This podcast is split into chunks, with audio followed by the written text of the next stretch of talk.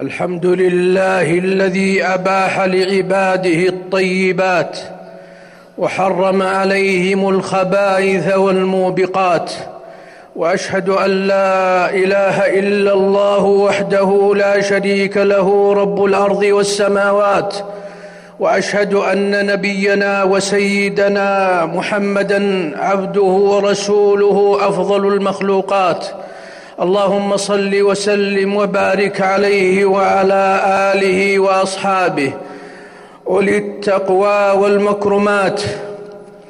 أما بعد فيا أيها المسلمون أوصيكم ونفسي بتقوى الله جل وعلا فبها تحصل المسرات وتحول وتحل البركات ومن يتق الله يجعل له مخرجا. ويرزقه من حيث لا يحتسب.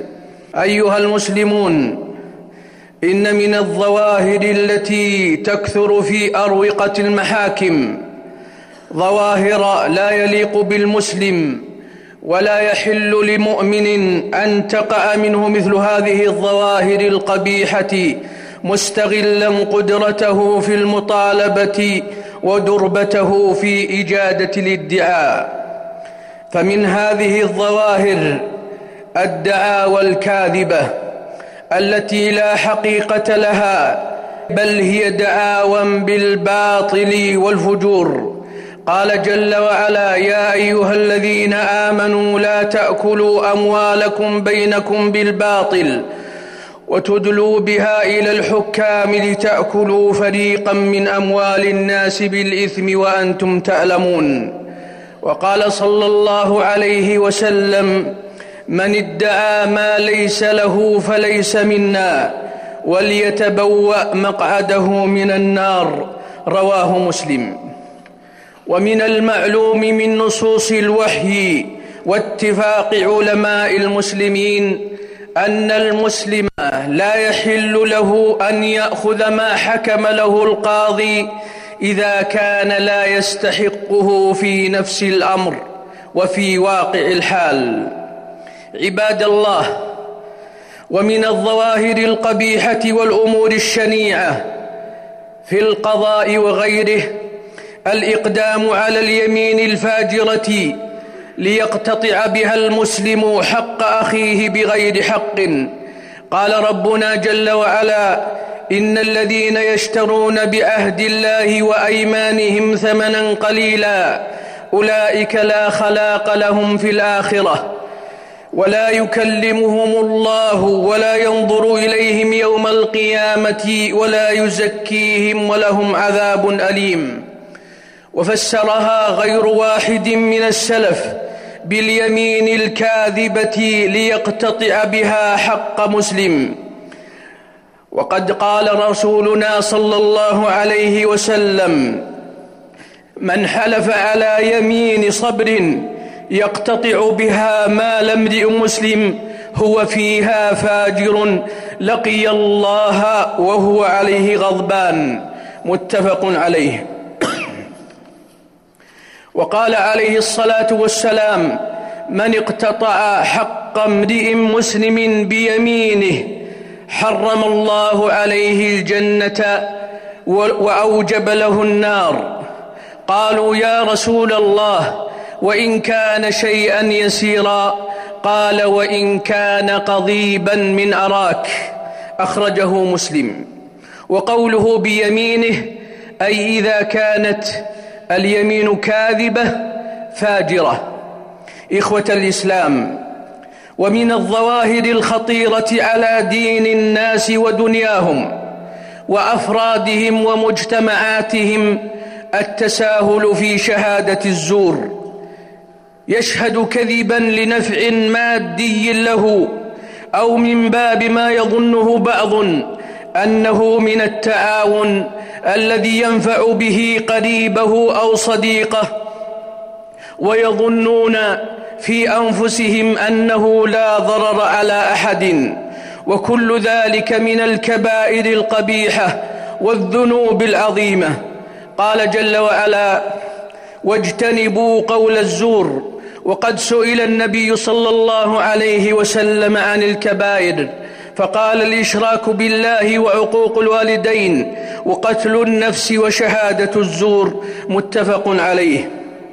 ومن ذلك الشهادة لأحد بغير حق لينال بها شيئا من الأموال العامة التي قررها نظام الدولة كأرض أو غيرها من الأموال.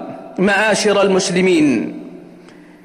ومن الظواهر في المحاكم والتي يجب على المسلم الابتعاد عنها أن تعرف مدينا لك وعندك علم بإعساره وعجزه عن الوفاء لأسباب وقعت له ثم تستغل ذلك الحال تستغل معه القضاء لمطالبته والتنكيل به. بل الواجب عليك حينئذ ما أرشد إليه ما أرشدك إليه خالقك بقوله جل وعلا وإن كان ذو عسرة فنظرة إلى ميسرة وأن تصدقوا خير لكم إن كنتم تعلمون. قال سعيد بن جبير رحمه الله في قوله تعالى وأن تصدقوا خير لكم. قال فهو أعظم لأجره. ومن لم يتصدق عليه لم يأثم. ولكن من حبس معسرا في السجن فهو آثم وبمثل قوله قال كثير من السلف فيا من له دين عند مؤسر يعلم إعساره وعجزه عن الوفاء. التزم بهذا التوجيه تنل, تنل الخير العظيم والأجر الكبير. قال صلى الله عليه وسلم كان تاجر يداين الناس فإذا رأى معسرا قال لفتيانه تجاوزوا عنه لعل الله أن يتجاوز عنا فتجاوز الله عنه. متفق عليه. وقال صلى الله عليه وسلم من سره أن ينجيه الله من كرب يوم القيامة فلينفس عن مؤسر أو يضع عنه أخرجه مسلم.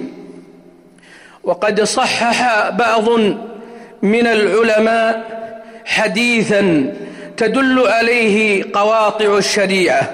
وقد ورد في سنن الإمام أحمد وسنن ابن ماجه أن النبي صلى الله عليه وسلم قال من أنظر مؤسرا قال من أنظر مؤسرا حل دينه فله بكل يوم مثليه صدقة.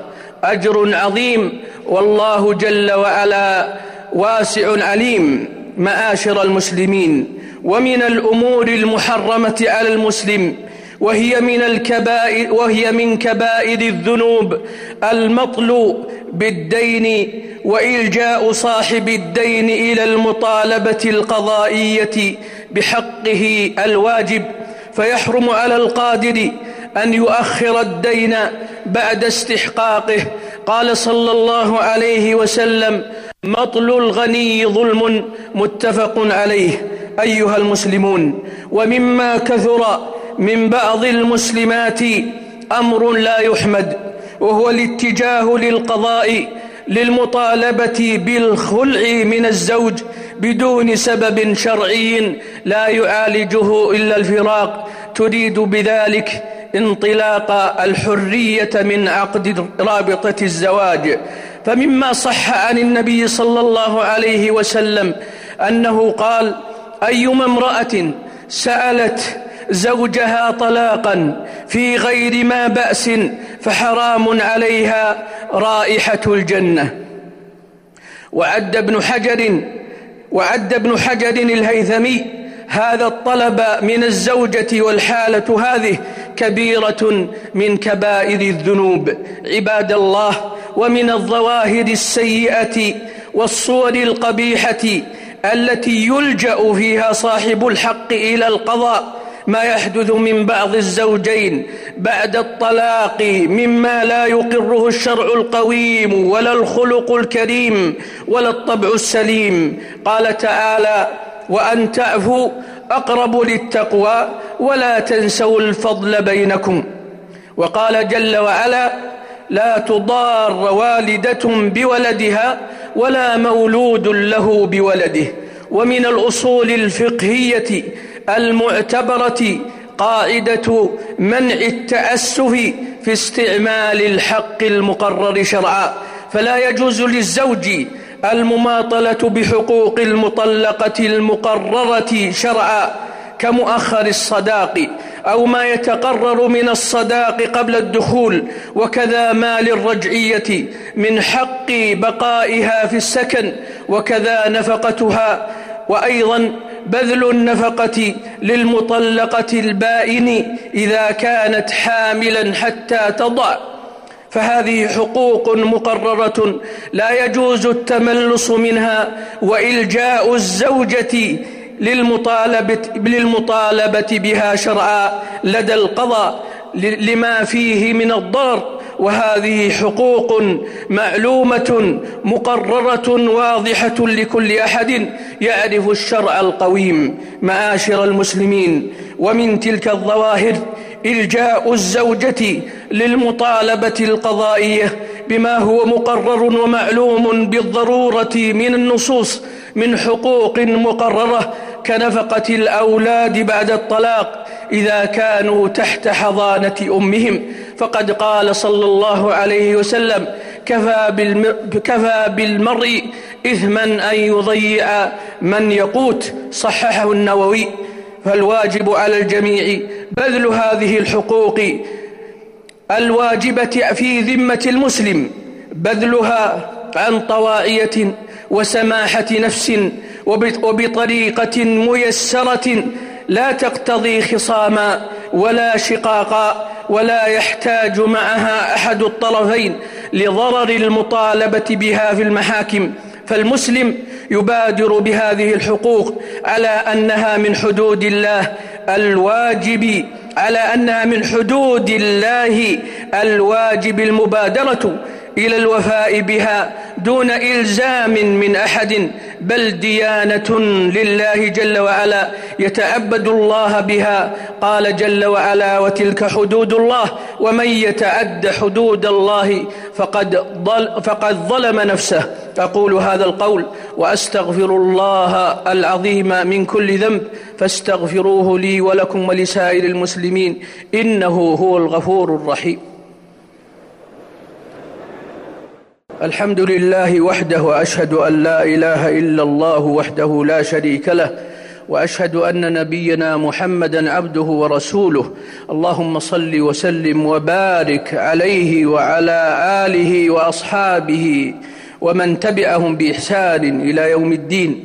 عباد الله إن من يعرف المحاكم وما يدور فيها من قضايا حضانة الأولاد ورؤيتهم بعد الطلاق يأسف لبعض ممارسات أحد الزوجين في جعل الأولاد ضحية لأجل الإضرار بالآخر والواجب الوقوف عند حدود الله ومراعاة مصالح الأولاد والحرص على اختيار المأوى الهادئ والملجأ الآمن وأن يتعاون الزوجان على غرس الحب والسكينة والطمأنينة في نفوس أبنائهم.